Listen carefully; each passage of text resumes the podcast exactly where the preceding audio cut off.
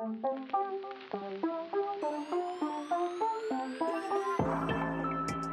började producera var och en för sig för cirka 20 år sedan. Ja. Eller hur? Förresten, hur känns det att sitta här? Producenter brukar inte sitta inför publik så ofta. Vi är lite ringrostiga. Vi har inte gjort några intervjuer på några år. Så det är lite... Det kommer. Ja, men det känns bra. Känns bra? Okej, jättebra. Ehm, började producera var och en för ungefär 20 år sedan och började jobba ihop som en duo för ungefär 16 år sedan. Beroende på hur man räknar, eller hur? Ehm, och vad var det för artister ni började med från början? Vi snackar så här 16-20 år sedan. Det var ju lokala liksom, hiphop-akter främst. Um, Ison och Fille, Paragon, Det var hela hemmalaget. ja, hemmalaget. Och Eh, Mycket. Petter, Ken. Började liksom inom svensk rap ganska mycket. Och eh, på ungefär på 20 år ungefär så har alltså de här grabbarna gått från, det är inte, inte, det är från lokala artister här hemma i Sverige till att eh, producera åt Madonna och Maroon 5. Helt sjukt. Tack. Och den solklara frågan alla här inne ställer sig är liksom, kan vi bryta ner hur det, kunde, hur det blir så här? Kan vi försöka bryta ner? Hur tar man sig från lokala, lokala rappare till världens största artister? Vad är det för egenskaper som ni tror har dag, tagit er dit? Det är hårt jobb. Det är liksom inte, vi har inte tänkt att gå från Ken till Madonna. Utan det har varit liksom projekt. Alltså från första målet, gör klart det, det kommer nästa mål och hela tiden jobba framåt och inte eh, sluta utvecklas.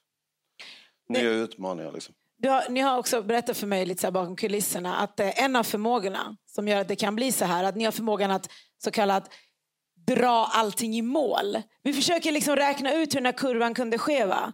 Den består ju av vissa egenskaper hos de här killarna, en viss inställning. Det här dra allting i mål, vad handlar det om?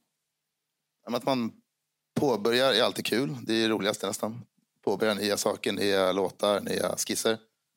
Men sen kunna dra det hela vägen till en färdig, en färdig produkt. Det är väl vår styrka tror jag.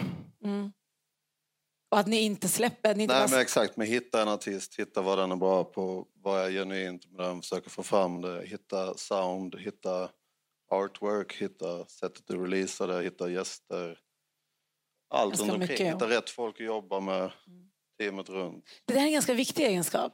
För det är väldigt mycket ofta så, nu pekar jag på er som det vore ni, men, men att eh, man har idéer, man påbörjar projekt men man avslutar dem inte.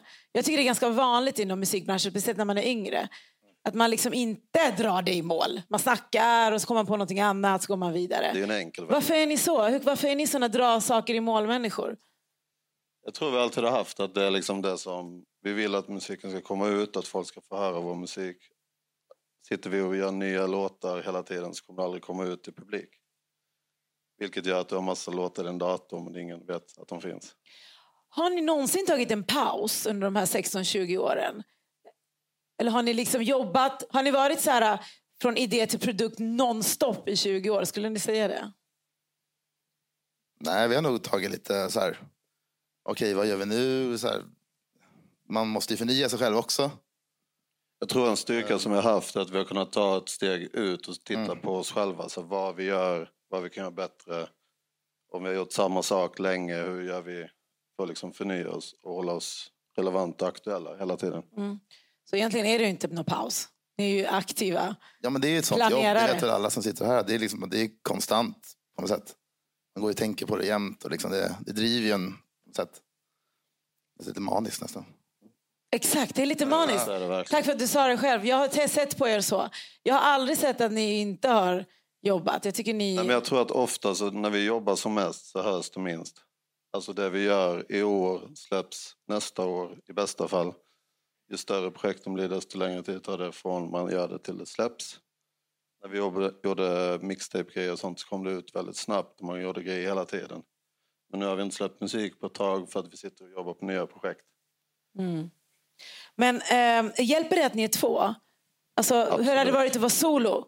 Hjälper det att man är fler? Alltså så här som ett, att man är team? Ja, det är fantastiskt. Det är, jag tror det är svårt att få det att fungera. Det är, en, det är ganska ovanligt, tror jag. Att man kan så länge jobba ihop. Men det är fantastiskt. Alltså alla resor man gör, men, när man jobbar med folk. Och det är jätteskönt att vara två hela tiden.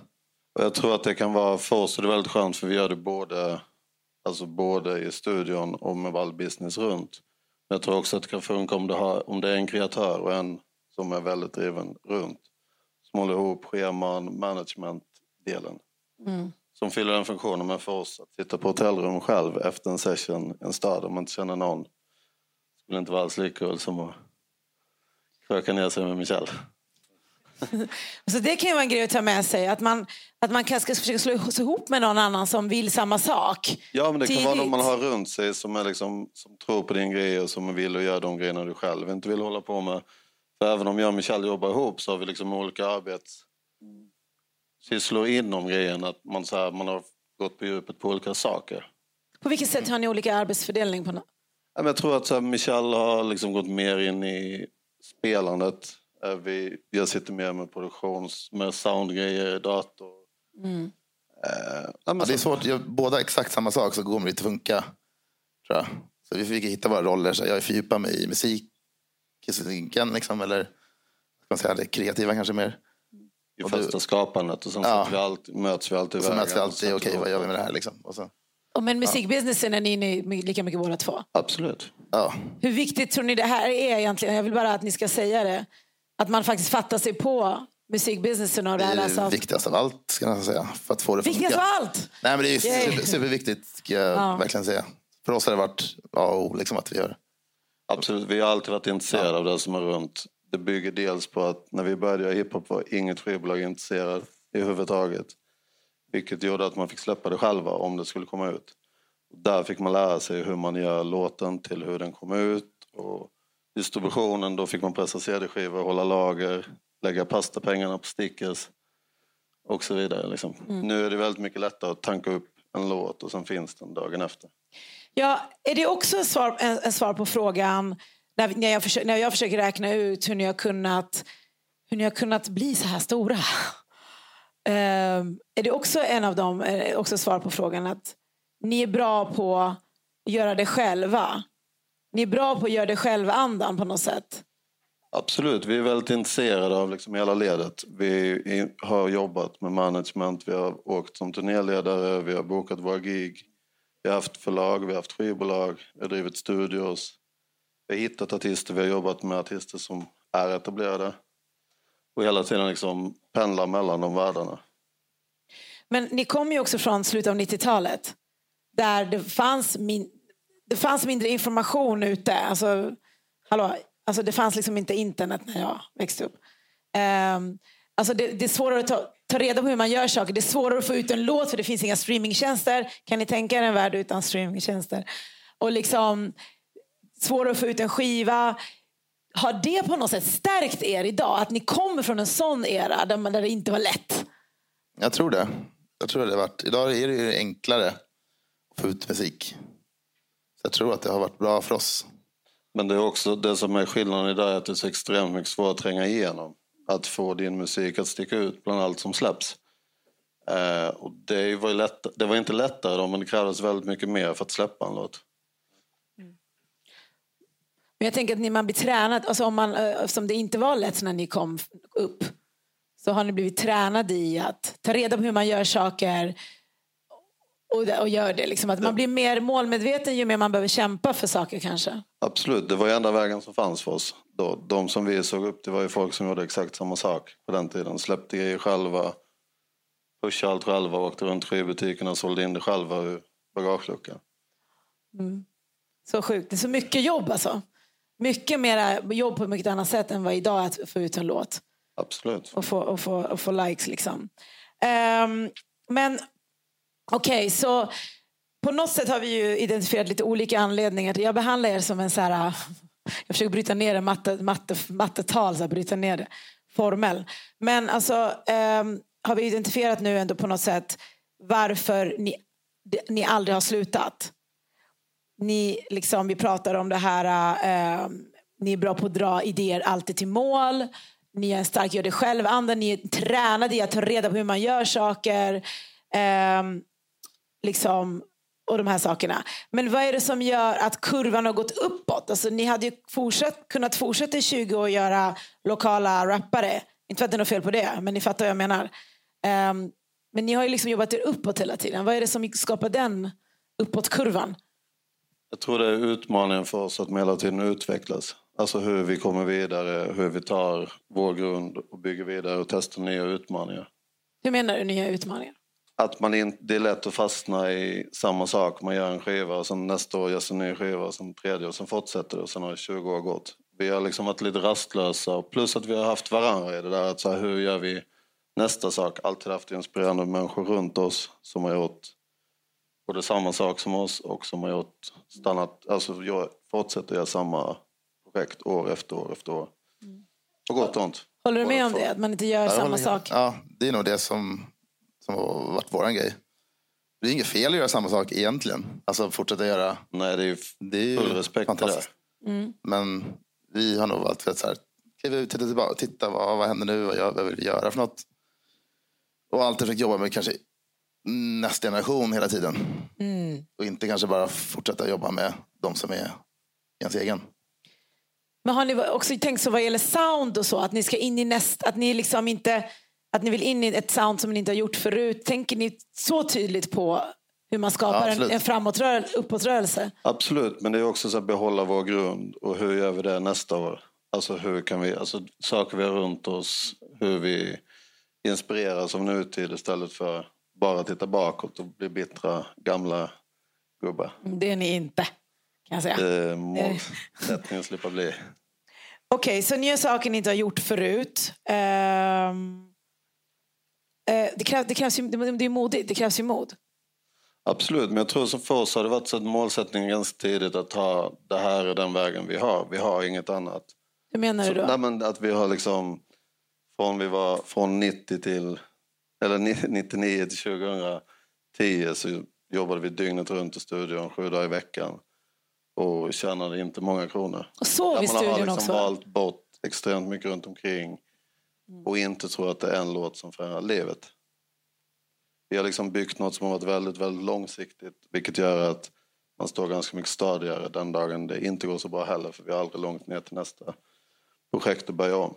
Hur, menar du när du säger det är inte en låt som förändrar livet? Vad är det för det kan vara en låt som förändrar kassan men det är ju liksom ingen... Jag tror att det som driver oss hela tiden nästa projekt, nästa grej vi håller på med i studion och så fort kontrasten att jobbar vi med en stor etablerad artist så går vi tillbaka till studion veckan efter och gör något som känns nytt och fräscht, något som föryngrar oss och håller oss hungriga. Att det är lätt att bli bara mätt och belåten. Visst har ni varit sådana som har sovit i studion massor med nätter? Absolut. Ja, just det. Hur många år av de här 20 åren tror ni har sovit i studion? Om man skulle slå ihop de nätterna. Det är ärligt, man vill veta. Vi, vi, har sovit mer, mindre än vad vi varit i studion. Det är den jag vet.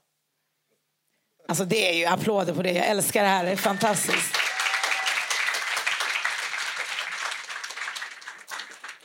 Um, du var in, ni var inne på en viktig poäng här. Du, ni sa det lite snabbt. Uh, man tjänar inte pengar på en gång. Va, va, vad menar ni med det? Att, vad är det för uh, insikt? Pengarna kommer sen eller hur, man, hur ska man tänka? Eller snarare, eller snarare kanske att man inte ska ha det som mål. Eller så som det ska driva en. Liksom. Pengarna kommer först. Utan, så har vi alltid vår filosofi varit. Att det, kom, det, kom, det kommer när det kommer ungefär. Eller, liksom. Utan det ska ju vara musiken. Musiken, musiken ska, driva, ska driva. Mm. Kan det vara ett missförstånd att man tror att pengarna ska komma på en gång? Liksom? Nej, men jag tror speciellt i en nutida värld med sociala medier och så vidare att det kan gå väldigt snabbt åt båda håll, både upp och ner. För oss fanns inte den grejen. Vi har alltid varit drivna av nästa låt, nästa projekt vi håller på med. Att man brinner mer för det. Jag har själv väldigt svårt att lyssna på låtar som man har gett ut. För när vi har mastrat och gjort klart det så går man vidare. Alltså fokuset flyttas framåt. Har ni tittat inte bakåt så mycket? Ni är hela tiden på nästa grej? Absolut. Ja, shit vilken motor. Helt magiskt ju. Men får jag bara fråga återigen till det här med pengarna. Så det, vi ändå pratar om musikbusiness lite här också. Är det så att, eh, stämmer det att det laggar, alltså när man kan börja tjäna, leva på musiken, att det nästan kommer sist liksom? Ska man tänka så, att det kommer sist och att det är mycket annat som kommer före? Vanligtvis. Alltså det är absolut hårt jobb innan du kan tjäna pengar på det. Och det är skillnad att tjäna pengar en gång kortsiktigt än att bygga en karriär. Alltså för oss som har jobbat med musik så måste vi liksom veta att vi kan betala hyran hemma varje dag och se till att det är mat på bordet för barn. Precis. Förstår. Så um, um, hur hanterar ni då pressen med um, det här man brukar säga liksom att det större, så större framgång desto större press på att upprätthålla de här jätteframgångarna. Om man har jobbat med Madonna, hur klarar man den pressen? Måste, att man, måste man alltid jobba med Madonna-typer då? Eller liksom? Uh, hur klarar man den här pressen? Man brukar säga ju större framgång desto större fall nästan för att det blir så höga förväntningar på en. Hur gör ni med det? Jag, jag, tror för oss har det varit samma sak att även om vi har jobbat med vissa större artister så går vi tillbaka till studion och, och försöker hitta tillbaka till det vi tycker är kul hela tiden. Mm. Det kan vara att jobba med en artist eller det kan vara att jobba med Jamkid som gör yeah. studion som är liksom den hungern och hela den auran är precis vad vi behöver för att hålla oss aktuella. Liksom. Mm. Fett. Så, um, så vad, vad nu har ni alltså ett stort rum här. Ska jag sätta pressen på er. Låtskrivarproducenter som inte gör intervjuer så ofta här. Tala till rummet.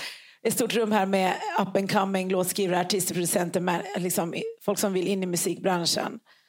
Um, vad har ni för, alltså, kan ni sammanfatta några dos and don'ts till dem?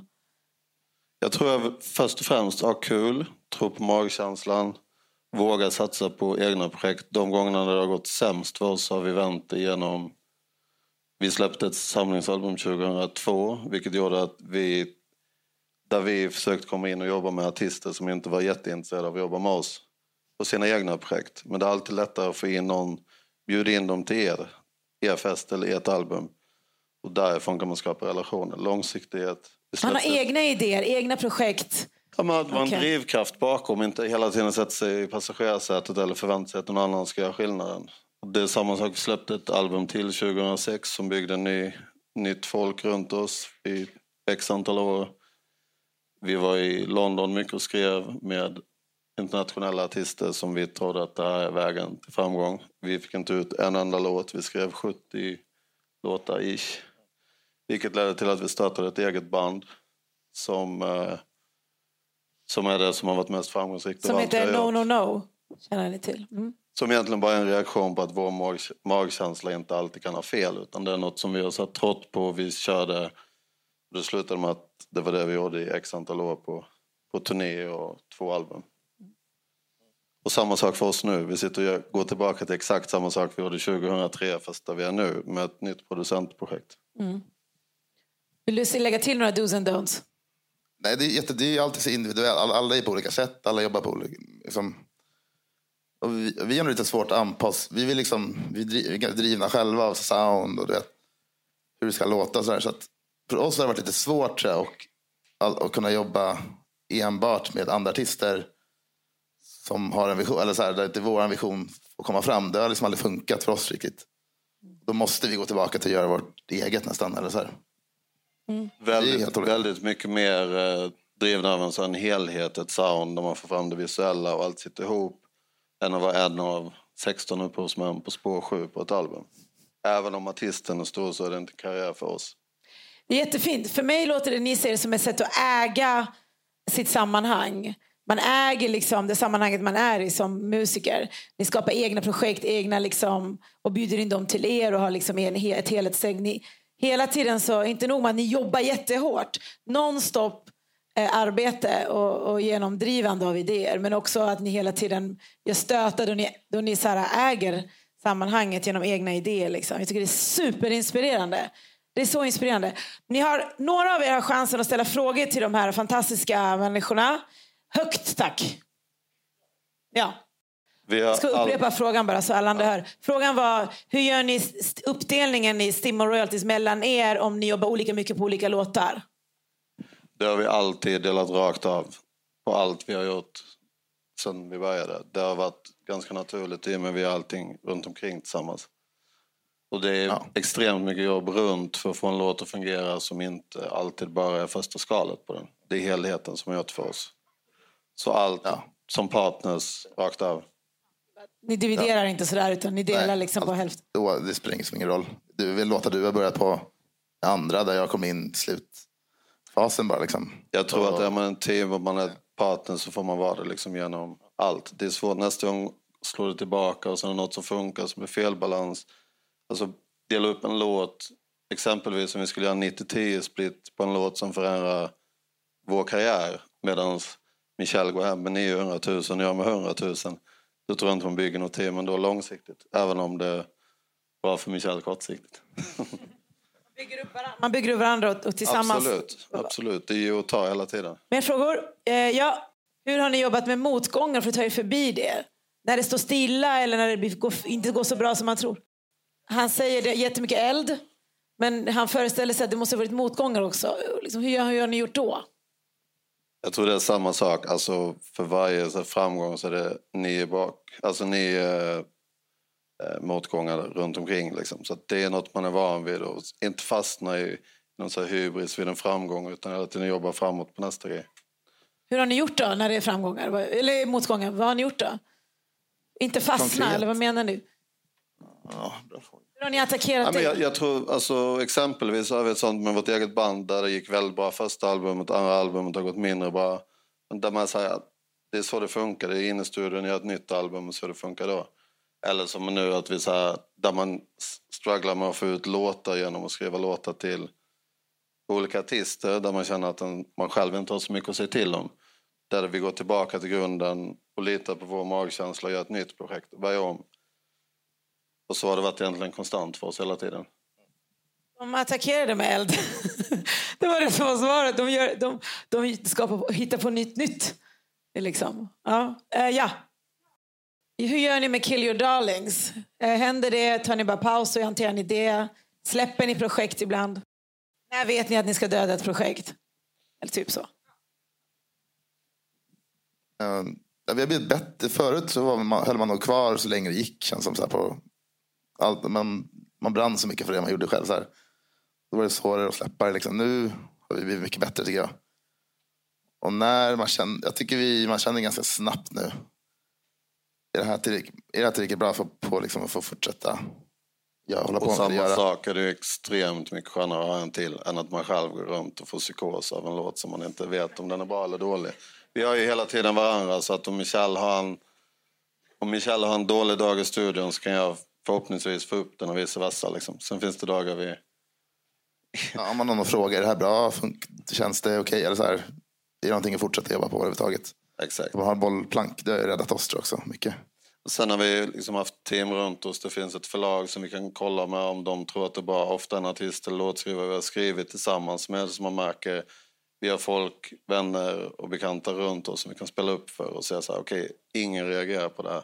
Vår magkänsla är nog fel här, det är bättre att gå vidare. Och tvärtom såklart. Bra! Jaha, en till då. En till. Förlåt, är det okej? En till. Ja. Det är en väldigt mansdominerad bransch. Tänker ni på att inkludera kvinnor? Jag omskriver din fråga lite för att förenkla, förlåt. Att inkludera tjejer, hur tänker ni kring det? Absolut. Alltså jag skulle säga att 80-90% av dem jag skriver låtar med tjejer. Eh, vi har ett band med en kvinnlig sångerska. Eh, vi försöker så mycket vi bara kan utan att egentligen göra någon skillnad på kvinnor eller män. Och det är så vi har haft alltid. Alltså, det är bara med dynamiken känns ganska viktig också tycker jag i ett rum när man Absolut. jobbar. Då har jag alltid gillat att det blir liksom, Samma med band, att vi har försökt Ja, men, ja. kvinnliga musiker Kvinnliga med musiker bandet. Och det är lätt att det blir testosteron i turnébuss. Jag precis säga det, så kul att du frågar, för jag känner ju till hur de jobbar. Det är så bra exempel på hur man faktiskt kan jobba så. Få! Jag tycker inte så många gör som ni, som jag vet att ni gör. Ni jobbar väldigt mycket med kvinnor. Liksom. Det är inte så många som gör det. Så det var bra. Bra avslut tycker jag. Tack så hemskt mycket. Vänta, innan ni går. Kan, ni bara, eh, kan vi bara få krama ur er vad som kommer härnäst? Vad, vad har ni för er härnäst? Krama ur lite, ni sitter här. Vad kan ni säga? Vad kommer härnäst? ja, vi håller på med ett nytt projekt nu faktiskt. Så vi, en liten paus med vårt band och så, så tänkte vi att vi måste göra något kul. Det är mer producentdrivet liksom, och bara massa olika features. Och första släppet blir i nove- november. Och vi går tillbaka lite mer till vår urbana bakgrund så att säga. Det är liksom ett hopkok av allt vi har gjort under åren. Det är mycket beatbaserat i grunden. Det är mycket amerikaner som gäster och skandinaviska vokalister. Kan man säga vad skivan heter och vad, ni, vad projektet heter? Vad ni heter? Hur Ja, mycket vi, knäck? skiva vet vi inte om det blir. Vi börjar med låt för låt. Låtar, ja. Men projektet kommer heta Jim Oma som är ett, en uh, Oma är mitt kenyanska efternamn och Jim, eller Tobias Det är Jimson det efternamn. som går tillbaka till våra rötter. Liksom. Då hörde ni det här först. Jim Oma. Tack så hemskt mycket!